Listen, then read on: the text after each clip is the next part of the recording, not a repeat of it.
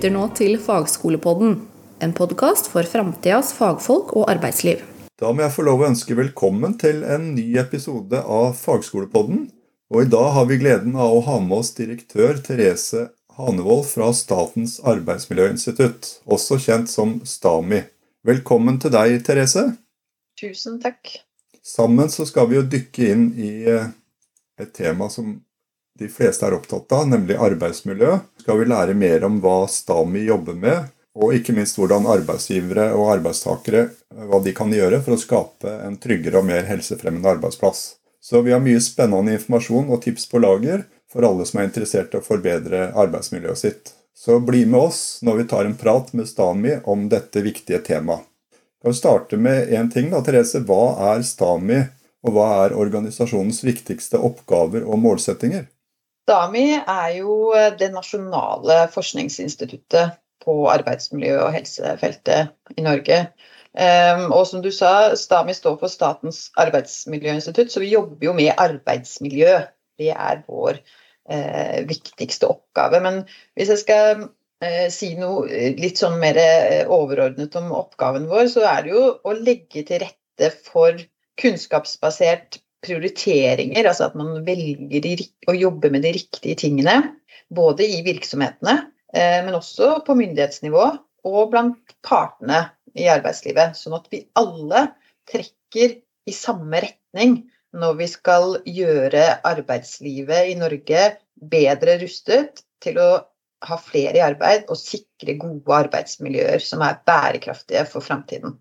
Og hele organisasjonen vår bygger jo på forskning. Det er jo derfor vi, vi sier kunnskapsbasert eh, at kunnskapsbaserte prioriteringer til norske virksomheter er liksom vår viktige oppgave. og det, eh, Vi forsker jo på mange ulike områder eller tematikker innenfor arbeidsmiljø.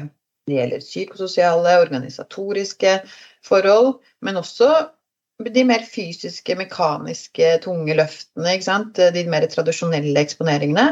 Eh, og også kjemiske, biologiske arbeidsmiljøforhold som eh, er færre som utsettes for, men som kan ha potensielt større eh, helserisiko. Da.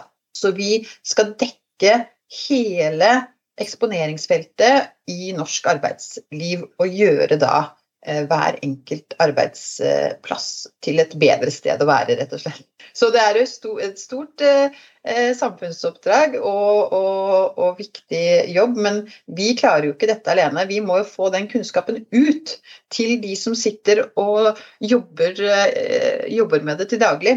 Og det er jo også en viktig del av vår jobb. Ikke bare forskningen, men også å formidle den kunnskapen eh, som eh, vi både har her i Norge, men også å egentlig bringe forskning internasjonalt hjem hit til det beste for norsk arbeidsliv. Men eh, hvilke typer arbeidsrelaterte helseproblemer ser dere hyppigst i Norge? Og eh, hva, er liksom, noe, hva er de vanligste årsakene til de problemene? Altså det vi ser, er jo at eh, det er to på en måte helseproblemer som peker seg ut i norsk arbeidsliv i dag. Det er eh, muskel-skjelettplager, eh, og så er det psykiske plager eller lettere psykiske lidelser. Det er de vanligste selvrapporterte arbeidsrelaterte helseplagene, altså som knyttes til arbeidet. Og de står jo også for majoriteten av sykefraværet og uførheten i Norge. Så det er ikke bare det at det er en belastning for den enkelte, men det koster også samfunnet store summer hvert år. Og Derfor er det jo så viktig eh, at vi jobber med det forebyggende arbeidsmiljøarbeidet. Fordi det ikke bare er bra for arbeidstakernes helse, men det er også bra for virksomhetenes resultater og kvaliteten av det de leverer. Og også for hele samfunnet. Så Derfor er vi opptatt av å, å da eh, peke på de faktorene som vi vet har betydning for de to helseplagene. Som muskel-skjelettplager og psykiske helseplager. Og Det er forsket masse på dette, både her hjemme i Norge, eh, vi forsker jo på det, og også internasjonalt. For dette her er jo ikke et problem som bare gjelder Norge. Og da bruker vi jo eh, hele den eh, kunnskapsbasen som vi, som vi, kan tilgjengeliggjøre, for å si noe om hva som peker seg ut. Og vi ser jo da at det er om lag sju av ti sysselsatte i Norge som oppgir å ha muskel- og skjelettplager som eh, relateres til jobben. Eh, og mest utbredt er, er nakke, skulder eh, og korsryggsplager. Det er liksom det vanligste man har. Og så er det jo veldig forskjell sant, på ulike yrker og næringer. Det er f.eks. Eh, en klar overhyppighet av muskel-skjelett-relaterte sykefravær blant de som jobber i bygg og anlegg. Hjemmetjeneste ser vi peker seg ut. Sykehjem. Eh, og også de som er ansatt i persontransport, ser vi også har høy forekomst av muskel-skjelettplager. Og tradisjonelt sett så har jo arbeidsrelaterte muskel-skjelettplager blitt forbundet med mekaniske eller sånn fysiske, ergonomiske belastninger. Sånn som ugunstige arbeidsstillinger, gjentagende eh, bevegelser og tunge løft. Men så ser vi også at de siste, ja, over, over, tid nå da, så ser vi at også de organisatoriske og psykososiale faktorene de er av stor betydning. Og flere og flere jobber i yrker der man har må forholde seg til kunder, klienter, pasienter, elever osv. Eh, og der man er en del av et, eh, et større samarbeids- eller kollegieskap. Man må samarbeide om komplekse arbeidsoppgaver. Og de psykososiale og organisatoriske faktorene blir da kjempeviktige. Vi ser det at høye krav kombinert med lav kontroll er en kjempeviktig eh, årsak til muskel-skjelettplager. Også dette med høy grad av rollekonflikt, er at man står i en, eh, eh, en uavklart rolle, at man har flere motstridende oppgaver som man ikke klarer å gjennomføre med den tiden og de ressursene man, man faktisk har. Det er belastende over tid. Og kan både føre til muskel-skjelettplager, men også psykiske helseplager. Eh, vi ser også det, dette med lav lederstøtte peker seg ut som en viktig risikofaktor når det gjelder muskel- og skjelettplager. Så det er de viktigste eh, risikofaktorene når det gjelder eh, muskel- og skjelettplager. Og så er det jo ikke sånn at man man tar jo med seg hele seg på jobben, holdt på å si. Eh, og, og både muskel-skjelettplager og psykiske plager, selv om vi ofte skiller de og ser på risikofaktorer hver for seg, så henger jo mye av dette sammen også. Det er multifaktorelle eh, årsakssammenhenger, og det er vanskelig å pinpointe én ting som er knyttet til akkurat det utfallet, men det er summen og helheten av det man eksponeres for i eh, arbeidet som er viktig. Når det gjelder psykiske plager, så ser vi jo um, at det er om lag 22% av sysselsatte i Norge som, som, rapporterer å ha psykiske plager. Og at det er ca. 11% som, som da oppgir at disse plagene helt eller delvis skyldes forhold på jobben. Og det er også en økning av psykiske eh, helseplager i eh, befolkningen. På samme måte som vi har sett en liten reduksjon, eller ganske liksom, Det har i hvert fall ikke vært noe økning i muskel- og skjelettplager. Ehm, så ser vi psykiske plager, det går litt oppover. Eh, så det er jo viktig å være litt bevisste på at arbeidslivet endrer seg. Individene, altså Her må vi være litt oppmerksomme og rette tiltakene inn der vi vet eh, det kan være utfordringer. da. Men hva tenker dere er liksom årsaken til at det er en økning i psykiske utfordringer? Det har vi jo diskutert veldig mye, og det er jo ikke sånn at vi har forsket direkte på det. Men det vi ser, er jo at um, hele, hele, samfunnet har jo uh, fått en mye tydeligere og mer åpenhet om at man snakker om at psykiske plager, det er ikke noe tabubelagt. Altså man, man, uh, man snakker mer om det. Det er ikke sikkert om det er faktisk mer enn det var for, eh, for 50 eller sant, 50 år siden, men det vi ser, er jo at nå er det mer åpent. Man sier at eh, 'jeg sliter', eller 'jeg syns dette er tungt'. Eh, og så, så, vi vet ikke om den økningen skyldes en helt klar sammenheng med at liksom, det er mer enn før, men det har vært, blitt tydeligere. For dette her er jo selvrapporterte data. Så det vi, det vi, ser, er at folk rapporterer det mer enn før. Eh, og om det skyldes at de plages mer, eller om de bare nå har et, et, sted der de kan si ja, ja dette her har jeg faktisk føler jeg på er vanskelig. Um, og det som er bra med det, er jo at da kan vi faktisk uh, rette fokus på det. Uh, vi så jo samme Den samme effekten så vi egentlig når vi før og etter metoo på uønsket seksuell oppmerksomhet. Så så vi at det var en økning i eh, selvrapportert eh, Eller de som oppgir eh, uønsket seksuell oppmerksomhet på jobben etter metoo. Og så var det sånn vi tenkte herlighet, har det gått opp? Og det var spesielt på unge kvinner. Men det som var tydelig da, var jo at det var flere som forsto at dette er ikke en del av jobben. Dette er noe annet. Og måten man eh, da rapporterer, og tallene vi sitter på da, da ser man en økning, men reelt sett er det kanskje en forståelse av at eh, her er det noe som, som ikke er en del av jobben, men som er et problem, og derfor rapporterer man om det. Så veldig mye av tallene vi eh, sitter på, og faktaene vi har, de må ses i relasjon til en samfunnsutvikling. Eh, men de viser jo veldig tydelig hvor, hvor det er et, eh, en utfordring. Men det er jo ikke noe tvil om at hvordan samfunnet ser på de ulike utfordringene, vil også påvirke hvordan de rapporterer. Så det at vi ser en økning i psykiske plager og psykisk helse nå, trenger ikke nødvendigvis å være for at flere har det verre, men det kan være et, en indikasjon på at flere syns det er greit å si at de sliter. Uh, og det betyr ikke at da er vi ferdig. Det betyr bare at her er det en mulighet. fordi når man snakker om at ting kan være vanskelig, så er det lettere å gjøre noe med det. Og her kan både arbeidstakere og arbeidsgiver bruke den muligheten istedenfor å tenke uff, dette blir vanskelig. Bruke muligheten til å ok, da har vi faktisk en åpning for å snakke om eh, hvordan vi har det på jobb og hva vi kan gjøre for at det skal bli bedre. Så, så, jeg ser ikke på det at vi ser en økning på nasjonalt nivå, at det trenger å bety at arbeidslivet har blitt så mye verre, liksom. Men det gir oss en mulighet for å håndtere også den, den delen av arbeidet som kanskje før har vært Eller tradisjonelt sett har vi hatt liksom de kvantitative fysiske kravene, ikke sant.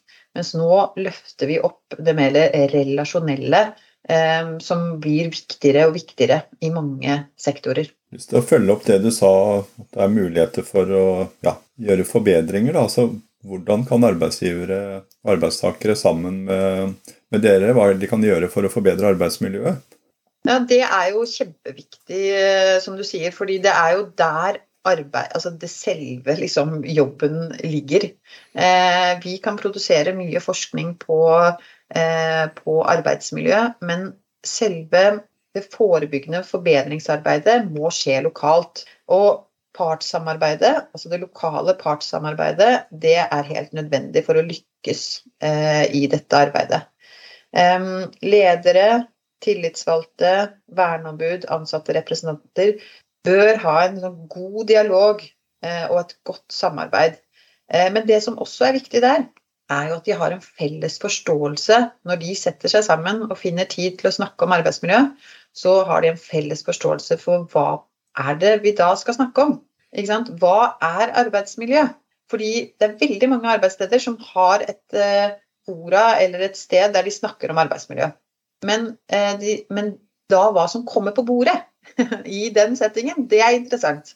For det vi har sett over tid, er at mange tenker på arbeidsmiljø som, som noe eh, knyttet til det sosiale, til fredagskaffen, til, til eh, fredagspilsen eller eh, liksom kaffepraten rundt, rundt, kaffemaskinen. ikke sant? Og det er viktig. Kjempeviktig.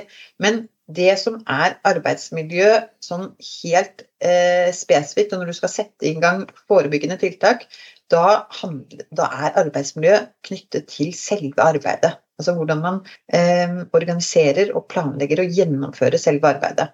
Og det er viktig for at man skal lykkes. Og når man setter seg ned sammen da på arbeidsplassen, at man faktisk tenker handler dette om arbeidet? Fordi man ser ofte at man gjør tiltak som f.eks. at man eh, tenker her er det mye stress. Og her er det mye Vi må ha stressmestringskurs.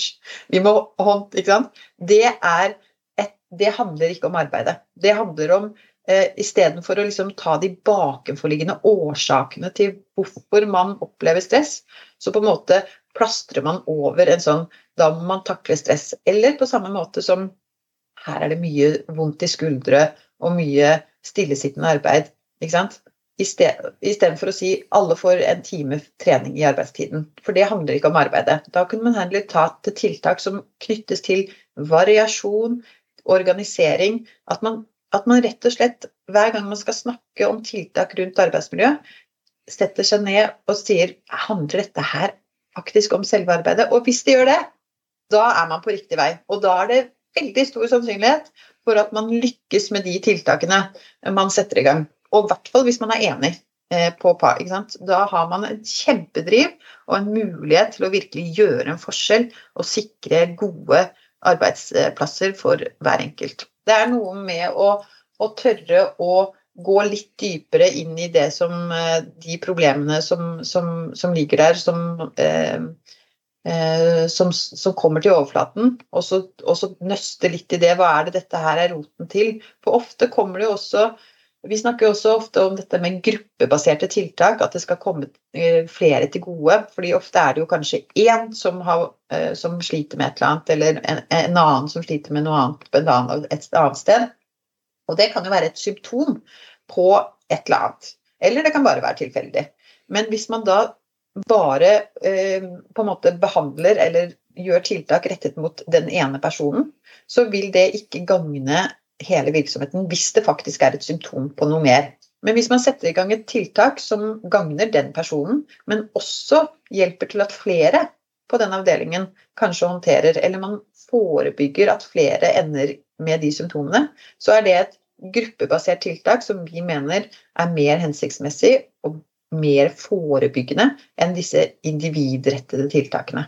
Eh, hvordan kan eh, dere i Stammet hjelpe arbeidstakere som opplever utfordringer i arbeidsmiljøet? Eh, hvordan kan de komme i kontakt med dere? Er det, er det enkelt å få svar? Vi er jo på en måte den nasjonale kunnskapsleverandøren av arbeidsmiljø og helse. Og det er vi jo for, ikke bare for de ansatte på hver enkelt virksomhet, men vi er jo det for myndighetene, for organisasjonene, altså partene i arbeidslivet, for alle virksomheter. ikke sant? Så vi har jo, vi har jo ofte ikke direkte kontakt med en, en, arbeidstaker som har et problem. Uh, men det vi har, er jo at vi har tilgjengeliggjort kunnskapene og verktøyene for hvor de kan uh, starte, eller hva de bør uh, fokusere på. Altså hvilke utfordringer da, som kan peke seg ut i det yrket eller den bransjen vedkommende eh, vedkommende jobber i. Og det er kanskje det som er det viktigste som vi kan hjelpe med, er at vi er en, en kanal, eller vi har en hjemmeside der du kan lete frem mye om hvilke faktorer som er viktige i arbeidsmiljøet å jobbe med. Men vi har også konkrete verktøy, som et verktøy som heter En bra dag på jobb, der du får eh, som er tilpasset hver bransje. Så barnehaga, ett verktøy, sykehjem har ett verktøy, bygg og anlegg har ett eh, verktøy.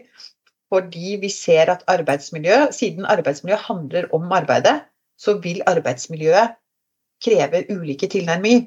Det er ikke de samme tiltakene som man trenger på sykehjem som man trenger i bygg og anlegg. Eh, og det er jo helt uh, naturlig at det er sånn, men, men, de verktøyene er derfor bransjespesifikke. Og de er uh, basert har videoer, de har uh, tiltaksforslag altså De er et veldig sånn konkret verktøy som er en god start og en hjelp til ikke bare arbeidstakerne som eh, opplever problemer, men et hjelp for å starte prosessen for å få arbeidsgiver og arbeidstaker sammen til å, å finne løsningene. fordi det er der vi må komme, at dette verktøyet blir brukt i samarbeid. Um, og så kan det jo være at en arbeidstaker som opplever en utfordring i arbeidsmiljøet, sånn som du sa, Elise, uh, bruker det og henter det hjem til sin virksomhet og presenterer det for sin leder eller sin organisasjon. Det er jo kjempefint. Men det kan også være omvendt. Men at man setter seg sammen, i hvert fall, og, og, finner tid til å liksom identifisere de utfordringene og begynner å snakke om det. Og hvilke tiltak er det som passer hos oss. Det tror jeg er kjempesentralt for å lykkes. Hvilke trender er det du da ser på innenfor arbeidsmiljøområdet, og hvordan vil det utvikle seg framover?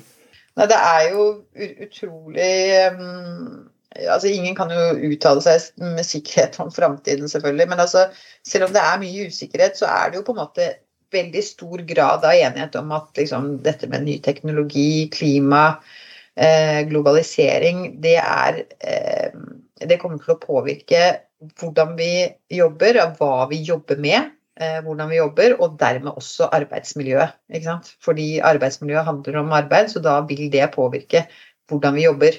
Og det er jo veldig tydelig i siste års utvikling med både økonomiske forhold sant, og endringer eh, etter pandemien i lys av fjernarbeid, og eh, at det har betydelige konsekvenser for arbeidsmiljøet. Man så jo det etter covid-pandemien at det var en eh, Altså mange ble jo sittende, eller måtte sitte hjemme. Eh, men man har jo også tatt med seg dette fjernarbeidsmuligheten. Eh, digitaliseringen har gitt muligheter for nye plattformer for samarbeid som har vært veldig positive. Men så ser vi også at her må man være oppmerksomme på at det kan være utfordringer med dette med fjernarbeid. Eh, og at det kan ha konsekvenser på kortere og lengre sikt eh, når det gjelder tilknytning, når det gjelder um, onboarding, altså dette her med liksom overføring av kompetanse, uformelle, uformelle praten. Um, og at det også uh, kan, kan, ha konsekvenser på hvordan virksomhetene i framtiden uh, innreder eller lager kontorkonsepter. Altså sånn, liksom, hvor stor plass har de ansatte på hvert sted? Eh, så dette er viktig å ha med seg inn, og, og, og er faktisk um, Og hvordan man, man eh, la, bygger et kontorlokale, f.eks., eller et sykehjems. Og hvordan man tenker på den ansatte, eller de ansattes arbeidsmiljø her, er kjempeviktig. Det er, ligger i planleggingsfasen også. Og de, de, de rammevilkårene som, som, legges til grunn. Da. og så sa jo du dette her med, med den aldrende befolkningen. Ikke sant? Vi ser jo dette med rekruttering inn i yrker nå. Det er en, det er en utfordring. Og, og, det ser man jo at arbeidsmiljø kan være en viktig faktor for virksomhetene eh, hvis man har et godt arbeidsmiljø, og rekruttere. Og ikke bare rekruttere, men beholde og utvikle.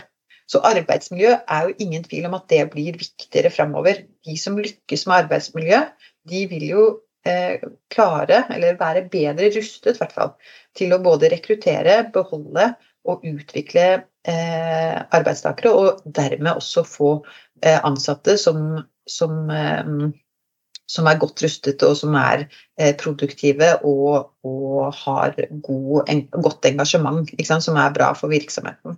Så det, det, er, eh, det er mange, mange, trender vi ser også, dette med det grønne skiftet. Nå er det jo en stor ambisjon i Norge om å bli størst på havvind. Det kommer til å gi store utfordringer når det gjelder hva betyr det for arbeidsmiljøet til de som skal jobbe der. Så, så, det er mange ting vi ikke vet uh, hvordan det blir, men at arbeidsmiljø blir viktig å fokusere på og viktig å, å, holde tak i. Og det er jo sånn at arbeidsmiljøet i Norge er utrolig Vi ligger veldig godt, uh, godt an når vi ser, sammenligner oss med andre europeiske land. Vi er på en måte på pallen. Vi er Ni av ti norske arbeidstakere de trives og er, er engasjerte i jobben sin. Men så er det sånn at det vi var gode på i går, er ikke sikkert om det er det vi er gode på i morgen. Så det er en ferskvare. Vi må jobbe med det hele tiden. Og spesielt nå som det er så mange endringer, så må vi ta oss tid da, til å sette oss ned og finne ut hva er det vi skal bevare, og hva er det vi skal bli bedre på. Og det er en kontinuerlig eh, prosess som jeg tror det er viktig at både arbeidstakere og arbeidsgivere forstår at de har et eierskap og de har et ansvar for. Sånn at man sammen finner gode løsninger. Og sånn Avslutningsvis, da, hva er noen av de viktigste anbefalingene dere i Stami har for arbeidsgivere og arbeidstakere da, som ønsker å forbedre arbeidsmiljøet på arbeidsplassen sin? Um, alle arbeidsplasser er jo unike, um, som gjør at arbeidsmiljøet er forskjellig fra arbeidsplass til arbeidsplass. Man har litt ulike rammebetingelser, og derfor er det så viktig at eh, man finner eh, sammen. At man finner gode løsninger sammen. Og så tenker jeg at det er viktig at, eh, man, eh, man, eh, at de er behovsprøvd. Altså at man, man, ser hvilke behov er hos oss. Og da har jo vi eh, noen verktøy som gjør at man kan at vi peker retning på noen ting man bør være oppmerksom på. Eh, men så kan det være ting vi ikke peker på som man, man har lyst til å ta tak, men, tak, i. Men i hvert fall at det er behovsprøvd. At det er noe som, eh, som, er en utfordring. Og så er det jo viktig at det er kunnskapsbasert. at man bygger på at man tar tak i de tiltakene eller de eh, utfordringene som man vet fra forskningen har betydning for arbeidstakernes helse. Og til sist, den siste viktige punktet er jo at man implementerer det systematisk i driften, sånn at det blir en del av en sånn daglig drift. At det ikke er, står i en HMS-bok, men at det er en del av driften. Det er en del av hvordan vi organiserer arbeidet. Så at det er behovsprøvd, at det er kunnskapsbasert, og at man implementerer det eh, systematisk, og at man samarbeider om alle de prosessene, eh, det tror jeg er eh, det er viktige anbefalinger. Um, og så har man jo på en måte noen sånne mer generaliserbare, viktige anbefalinger, hvis man skal si på sånn hva er det viktig å tenke på. Vi pleier å si noe om eh, hvilke eh, Hva er viktig for å sikre et godt arbeidsmiljø, uavhengig om du jobber på sykehjem eller bygg og anlegg. Det er noen sånne generiske faktorer som vi vet fra forskningen er viktig uansett hvor du jobber. Og det, det er jo god organisering og planlegging av arbeidet. altså At man har dette her med klare roller Eh, fordi vi ser at det å stå i arbeidssituasjoner eh, der det er uavklart hvem som skal gjøre hva, det er belastende for den enkelte og for arbeidsmiljøet. Det er det første. Og så er det jo dette med å sikre balanse mellom krav i jobben og mulighetene for kontroll over egen arbeidssituasjon. Det at man klarer å finne den balansen, det bidrar til engasjement, for da har man kontroll i litt hva man gjør. Det øker jobbtilhørigheten, og det gir effektive arbeidsprosesser. For da kan man styre litt mer. ikke sant? Men man skal balansere kravene med muligheten for kontroll over egen arbeidssituasjon. Og så er det jo denne balansen, den tredje tingen som jeg tenkte å si, balanse mellom innsats og belønning. Og da tenker jeg ikke at, at belønning er i form av lønn, men det er i form av anerkjennelse, eh, tilbakemeldinger, ikke sant? Ros. Vi skal ikke, vi ikke kimse av ros. Det å bli sett, det å få muligheter, det er, øker liksom den, den, balansen. Da vil du øke innsatsen også. Um, så det er kjempeviktig å få til. Uh, og de som klarer dette, lykkes jo godt i arbeidsmiljøet. Og så er det jo rettferdig lederskap, um, som vi også ser som en viktig, viktig element. Altså det um, som gir tillit, ikke sant, uh, og lederskap som gir ansvar. og og at man har, eller gir de ansatte eh, de ressursene de trenger for å gjennomføre arbeidet. Både med opplæring, men også mer sånn de riktige verktøyene, på en måte, som de trenger. Eh, det er viktig. Også det siste jeg tenker og, og, som er viktig, uansett hvor man jobber, er forutsigbarhet. Fordi vi er i en tid nå med masse endringer, sto, mange steder som skal omstille og, og, og man jobber på nye måter. Og da er forutsigbarhet en kjempeviktig eh, eh, ting å sikre. Eh, fordi det er på en måte eh, Omstillinger eh, er på en måte en, en, Der må man sikre liksom, informasjon og medvirkning. Og det med forutsigbarhet i liksom, usikre tider, det, det ser vi er viktig for å sikre et godt arbeidsmiljø. Så alle de punktene der, god organisering, planlegging, balanse mellom krav i jobben og kontroll eh, over egen arbeidssituasjon, balanse mellom innsats, belønning, rettferdig støttende lederskap og til sist forutsigbarhet, de tingene blir ikke mindre viktig fremover. Du har nå hørt Fagskolepodden, produsert av Fagskolen Vestfold og Telemark.